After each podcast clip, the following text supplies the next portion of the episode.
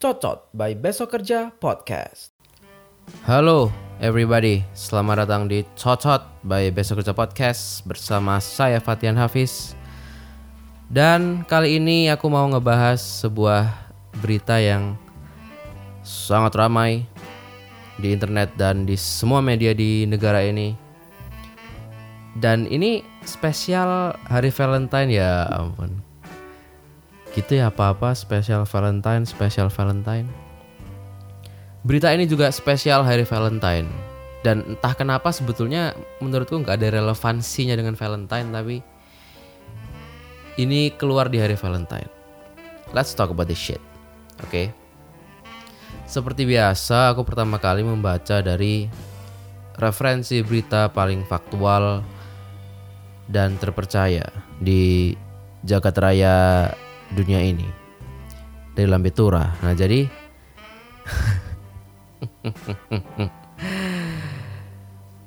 yaitu tentang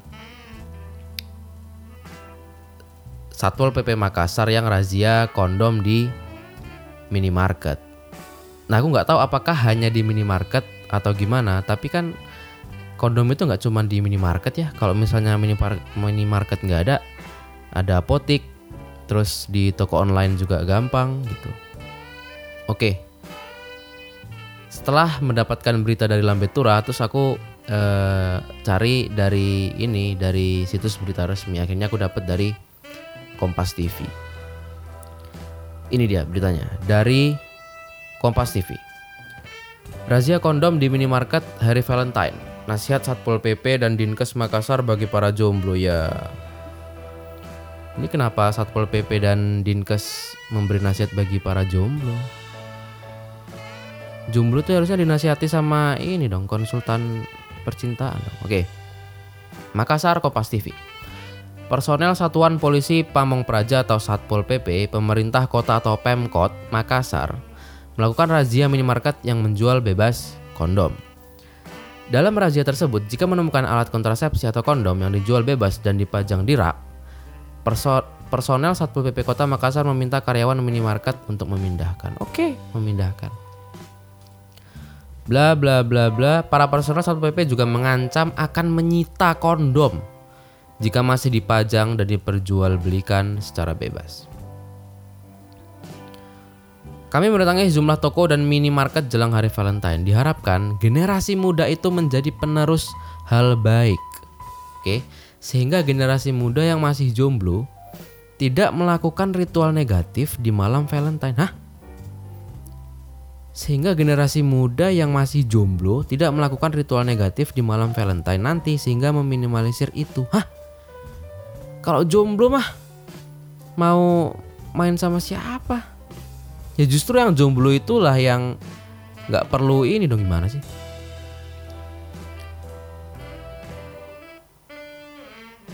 Namun untuk mengantisipasi oh sorry, terkait razia kondom menjelang Valentine, Kepala Dinas Kesehatan Kota Makassar Nur Saidah Sirajudin mengatakan kondom pastinya tidak dilegalkan untuk anak di bawah umur. Namun untuk mengantisipasi penyakit menular seksual, menggunakan kondom akan lebih baik daripada tidak. Hei, ini gimana sih? Anda mau tidak e, mau membatasi penyebaran penyakit menular seksual tapi kondomnya diambil. Pastinya memang tidak dilegalkan atau diperjualbelikan untuk anak di bawah umur, tapi siapa tahu dia lepas. Hah? Minimal untuk mengantisipasi adanya penyakit menular seksual ya. Oke. Jadi itu sebetulnya walaupun apa yang dilakukan oleh bapak-bapak ini uh, wadidaw ya. Aku tuh sebetulnya bisa memahami barangkali apa yang ada di benaknya bapak-bapak ini. Yang pertama tuh mereka tidak ingin anak-anak atau ABG-ABG yang belum menikah itu melakukan free sex di hari Valentine. Yang entah kenapa aku nggak ngerti kenapa Valentine itu jadi momen. Padahal kalau mau check in mah kapan aja bisa gitu. Makanya oke itu itu satu. Nah yang kedua adalah dengan memperjualbelikan kondom, mungkin di benaknya bapak-bapak ini itu adalah salah satu bentuk promosi free sex ke anak-anak gitu. Yang mana sebetulnya aneh karena aku ketika baca berita ini tuh yang mau aku tanyain satu gitu. Bapak-bapak ini ngerti fungsi kondom apa enggak gitu karena jangan-jangan bapak-bapak ini nggak ngerti gitu. Mereka mau menyelesaikan suatu masalah ya, suatu isu di masyarakat, tapi untuk menuju ke sana itu nggak nyambung sama sekali. Jadi itu kayak misalnya, eh aku bikin analogi apa ya? Hmm, hmm, hmm, hmm, hmm, hmm. Oke, misalnya ada genteng, eh sorry, misalnya ada genangan air di lantai gitu kan. Untuk memecahkan suatu masalah ada genangan air di lantai, itu kit- kita kan harus melakukan namanya tuh why why analysis. Jadi kita tuh harus bertanya why kenapa sebanyak minimal lima kali untuk akhirnya mencari akar masalahnya apa. Oke, kita berangkat dari genangan air di lantai. Kenapa? Kenapa ada genangan air di lantai? Oh, ternyata ada air merembes dari dinding gitu. Oke, kenapa ada air merembes dari dinding? Oh, ternyata ada eh, bolongan di atap gitu. Kenapa ada bolongan di atap? Oh, ternyata ada ketiban ranting pohon, jadi gentingnya jebol gitu. Kenapa ada ranting pohon yang jatuhin atap? Oh, ternyata ada pohon yang gede banget yang mana sering benda-benda jatuh dari situ. Nah, jadi untuk menyelesaikan masalah genangan air di lantai itu tuh bukan kita taruh ember di bawah lubangnya biar airnya nampung di ember, enggak gitu. Kita cari akar masalahnya. Oh, ternyata ada pohon yang terlalu tinggi akhirnya banyak jatuhin benda-benda. Ya udah pohonnya ditebang gitu supaya kejadian itu tidak terulang lagi di eh, di masa depan gitu. Kita cari akar masalahnya apa. Nah, bapak-bapak ini beranggapan bahwa oke eh, generasi muda di negara ini itu sudah ternodai oleh eh, pergaulan bebas dan apa kita harus memecahkan masalah ini. Nah, yang dilakukan itu adalah razia kondom di minimarket. Let's think kira-kira efek apa yang mungkin muncul ketika razia kondom itu dilakukan. Yang mungkin terjadi adalah ada sekumpulan ABG yang pengen eh, menghabiskan waktu di hari Valentine dengan eh, berhubungan seks dengan pasangannya akhirnya karena mereka sedikit teredukasi mengenai eh, seks akhirnya mereka memutuskan beli kondom dan akhirnya nggak bisa dan karena udah nafsu di ubun-ubun akhirnya mereka tetap melakukan tanpa eh, pengaman. Dan itu jauh lebih beresiko. Makanya aku bertanya bertanya kayak aja nih jangan bapak-bapak nggak ngerti fungsi kondom itu apa? Gitu. Orang pakai kondom aja masih deg-degan gitu kayak anjir misalnya kayak eh ini aku harusnya dua hari yang lalu udah dapet nih tapi masih belum dapet. Hah? Yakin kamu dua hari ini udah dapet? Iya.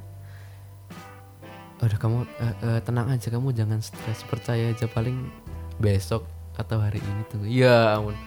Itu deg-degan kayak gimana kalau ini ya malah harusnya yang dilakukan itu sebaliknya gitu. Aku ingat dulu tuh pernah ada program pemerintah aduh aku lupa pemerintah mana ya yang justru malah bagi-bagi kondom sebagai bentuk dari edukasi seks ke masyarakat itu. Bentar, bentar kita kita cari dulu di Google. Program bagi-bagi kondom. Nah ini dia 30 Juni 2012 sehatnegeriku.kemkes.go.id Na na na na na na na na na na na na na na Aduh lama banget sih ini Lama lama lama lama lama lama lama lama lama Pokoknya aku inget tuh kalau nggak salah itu di apa ya di di Solo apa di mana gitu. Oh ini di eh Oke, merdeka.com. Aneka program kondom yang menuai kontroversi di Indonesia. Oke, 4 Desember 2013. Kementerian Kesehatan kembali menggalakkan pemakaian kondom sebagai upaya pencegahan penularan virus HIV dan AIDS. Melalui pekan kondom yang jatuh pekan kondom, kenapa ada hari memperingati gini? Kemenkes menggandeng produsen kondom dan membagikan kondom secara cuma-cuma kepada masyarakat. Tetapi upaya ini rupanya mendapat pertentangan sejumlah pihak. Penolakan tersebut kebanyakan datang dari sejumlah tokoh dan lembaga agama dan juga pendidikan. Mereka menganggap pembagian kondom itu adalah jalan membuka perzinahan. Oke. Ini sebetulnya eh nyambung sama pendapatku mengenai kira-kira apa yang ada di benak bapak-bapak tadi. Yang pertama kan mereka tidak ingin ABG-ABG melakukan seks bebas. Jadi kondom-kondomnya diumpetin gitu kan. Nah, yang kedua itu adalah dengan membiarkan kondom itu dijual bebas. Bapak-bapak ini beranggapan bahwa itu adalah salah satu bentuk dari eh, promosi free sex, apalagi dibagi-bagi tuh kondom tuh. Yang kayak tadi tuh waktu berita yang aku baca tahun 2013 itu. Pada zaman itu, kondom dibagi-bagi tuh sebagai bentuk untuk kampanye anti HIV AIDS. Dan itu juga dianggap sebagai promosi seks bebas. Nah, pertanyaannya adalah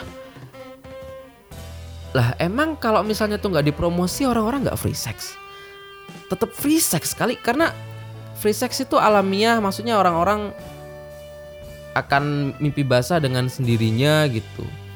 Kita nggak ada tuh mata pelajaran yang bahas khusus tentang uh, seks gitu. Tapi orang-orang tetap melakukannya somehow belajar sendiri secara ilegal tentu saja gitu. Ya iya karena narkoba dan seks itu adalah dua hal yang selalu laku tanpa harus dipromosikan gitu.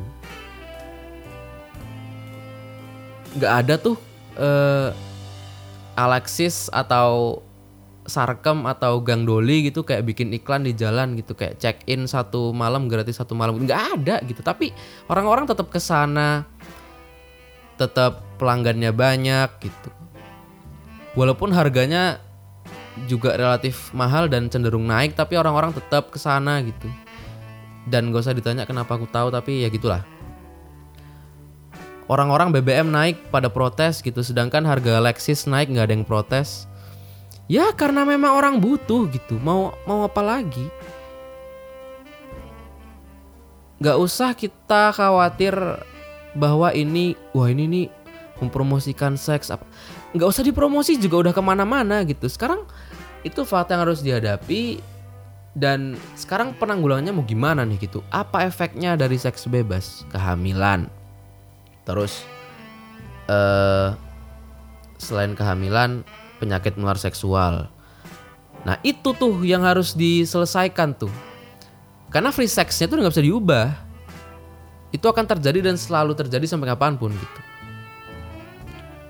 Nah makanya ketika berita ini muncul, itu tuh semakin jauh tuh, semakin nggak masuk akal dari tujuan awalnya kalau misalnya kondomnya diumpetin, misalnya anak-anak pada having sex terus gimana kalau nggak pakai kondom? Orang yang pakai kondom aja deg-degan gitu kayak telat dua hari aja udah deg-degannya minta ampun.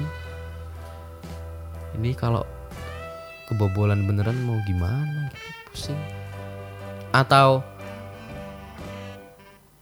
menurutku tuh pemerintah itu harus menyadari bahwa kalau misalnya mereka benar-benar ingin menghilangkan ya atau setidaknya mengurangi adanya seks bebas di ABG-ABG zaman ini gitu.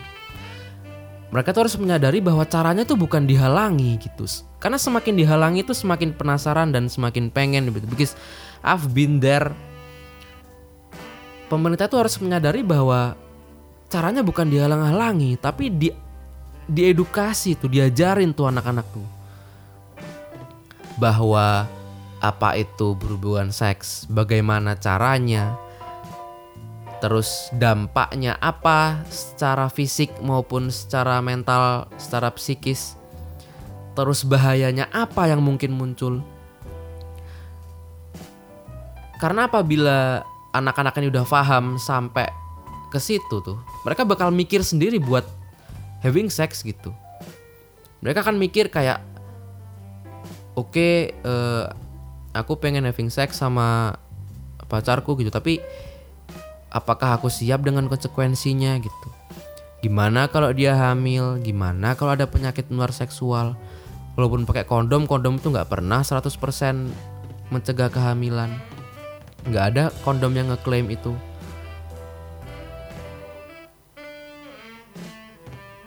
jadi mereka akan berpikir dengan sendirinya dan akhirnya mengurungkan niat dengan sendirinya gitu sedangkan di Indonesia tuh even untuk membicarakan hal yang mengarah ke situ aja antara guru dan siswa atau orang tua dan anak itu udah canggungnya minta ampun tuh.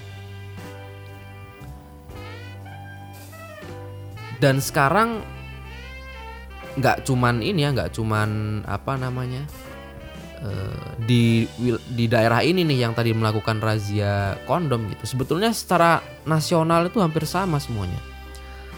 Kominfo ngeblok ngeblok yang mana itu tidak ada gunanya. Aku bilang nggak ada gunanya ya ngeblok situs-situs porno gitu. Karena bahkan detik ini aku bisa buka situs porno dengan dua kali klik gitu karena ada uh, eh, VPN-nya yang jadi extensionnya Google Chrome gitu. Jadi aku tinggal klik terus aku bikin kayak uh, pakai saluran dari Amerika terus tinggal buka Pornhub selesai gitu. Bayangkan betapa banyak uang yang dikeluarin pemerintah untuk ngeblok situs bokep Padahal itu nggak ada gunanya sama sekali. Uang kita, uang yang kita bayar pajak itu tiap bulan itu Eh tiap tahun itu Dipakai buat melakukan hal yang sia-sia ngeselin gak tuh? Dan sekarang lebih ekstrim lagi kayak razia kondom kayak ya ampun. Ya aku sih pengennya apa ya? Ya aku paham negara ini negara berkembang gitu tapi aku tuh nunggu-nunggu kapan ya gitu? Transisinya kita tuh sadar bahwa anjir ini nih bukan ini nih cara nyelesainnya gitu tapi melalui edukasi gitu. Cuman nggak ada yang nyadar pemerintah masih tetap nutup-nutupi dan menghalang-halangi dan aku nggak tahu kapan akhirnya mereka sadar bahwa ini sia-sia dan malah even worse gitu ya pesan-pesan buat ABG-ABG yang ingin menghabiskan malam di hari Valentine. Yang pertama kalau Anda adalah warga Makassar silahkan keluar dulu dari situ.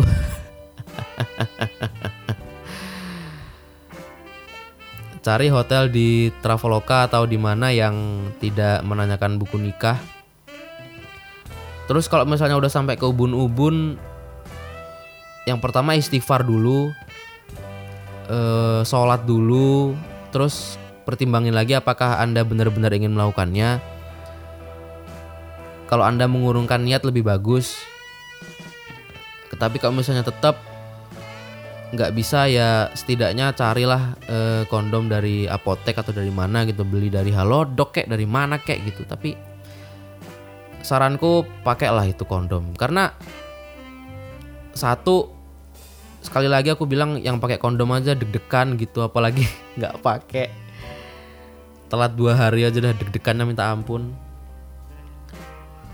Dan misalnya kalian takut nggak enak gitu anjir kalau misalnya permainan anda keahlian anda hanya dipengaruhi oleh pakai kondom atau tidak itu anda belum layak untuk memuaskan pasangan anda gitu. Mending anda eh, baca-baca dulu gitu how uh, how to please women sexually gitu. Spot-spot apa yang uh, disukai wanita untuk disentuh untuk dicium gitu. Kalau cuman gara-gara takut nggak enak mah ya ampun ya udahlah itu ajalah pesannya banyak-banyak istighfar banyak-banyak sholat semoga anda uh, dan banyak-banyak belajar tentang eh, seks. Oke, belajar itu maksudnya bukan posisi yang benar gimana enggak enggak maksudnya eh, apa ya? Ya sex education lah gitu. Apa apa itu seks dan bagaimana eh, melakukannya supaya aman dan bagaimana melakukannya dengan konsensual dan lain-lain. Jadi ya dan juga pemerintah, aduh ya ampun. Ya semoga segera ini ya segera sadar ya gitu bahwa menghalang-halang itu sama sekali tidak menciptakan solusi malah justru menambah keburukan ya. Kuncinya adalah di edukasi baik kepada Anda maupun kepada ABG-ABG sekarang yang sedang memasuki tahap sange-sangenya. Oke mungkin itu aja ya untuk episode kali ini. Tadinya tuh aku mau bahas yang lain sebetulnya. Aku mau bahas ini kasusnya uh, Gofar Hilman. Karena beruntun kan uh, setelah pengakuannya korban Gofar Hilman yang ternyata dia bohong itu, terus ada berita pemerkosaan yang di warteg itu. Jadi aku membahas tentang uh, kekerasan seksual sebetulnya. Tapi tiba-tiba ada berita yang jauh lebih lucu jadi ya udahlah kita bahas ini dulu. Nanti kita bahas itu di next episode. Itu aja buat episode kali ini. Makasih sudah mendengarkan. Eh, maaf kalau sedikit ngalor ngidul. Apabila Anda ingin mengirimkan kritik dan saran, silakan kirim email ke besokkerjapodcast at gmail.com besokkerjapodcast at gmail.com atau DM ke Instagram at Fatian Pujakesuma at f a t h i a n Pujakesuma itu aja untuk episode kali ini. Sampai jumpa di episode selanjutnya. Fatian Hafiz signing out. Bye bye.